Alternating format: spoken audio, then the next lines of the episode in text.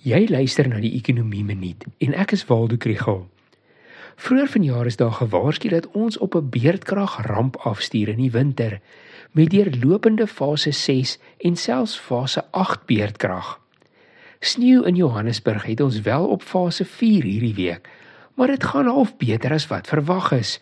So wat gaan aan? Hierdie episode word ondersteun deur Economic Research Southern Africa en die NWI Sakeskool.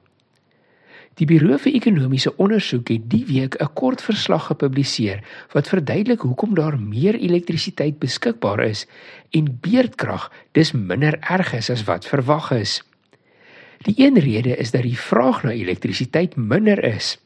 Hulle skryf dit toe aan gedempte produksieaktiwiteit in die vervaardigingssektor in Junie maand, maar ook aan huishoudings se sonpaneelstelsels wat veroorsaak dat hulle minder krag van die netwerk vereis dan is daar minder onbeplande onderbrekings in vergelyking met die hoogtepunt van sulke onderbrekings aan die begin van Mei.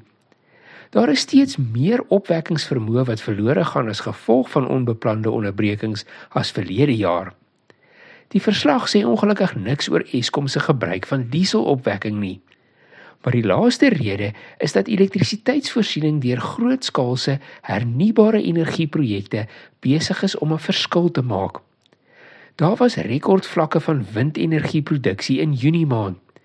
Oor die laaste paar weke het dit die gaping tussen opwekking en vraag toegemaak.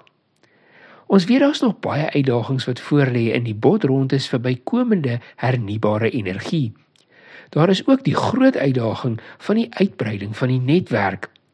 Maar dan is daar ook groot maatskappye se projekte wat in 2024 en 2025 aanlyn gaan kom. Kusili se drie besoedelende eenhede gaan ook help om beerdkrag met nog twee fases te sny later hierdie jaar. Alles saam lyk dit nou so bietjie lig in die tonnel.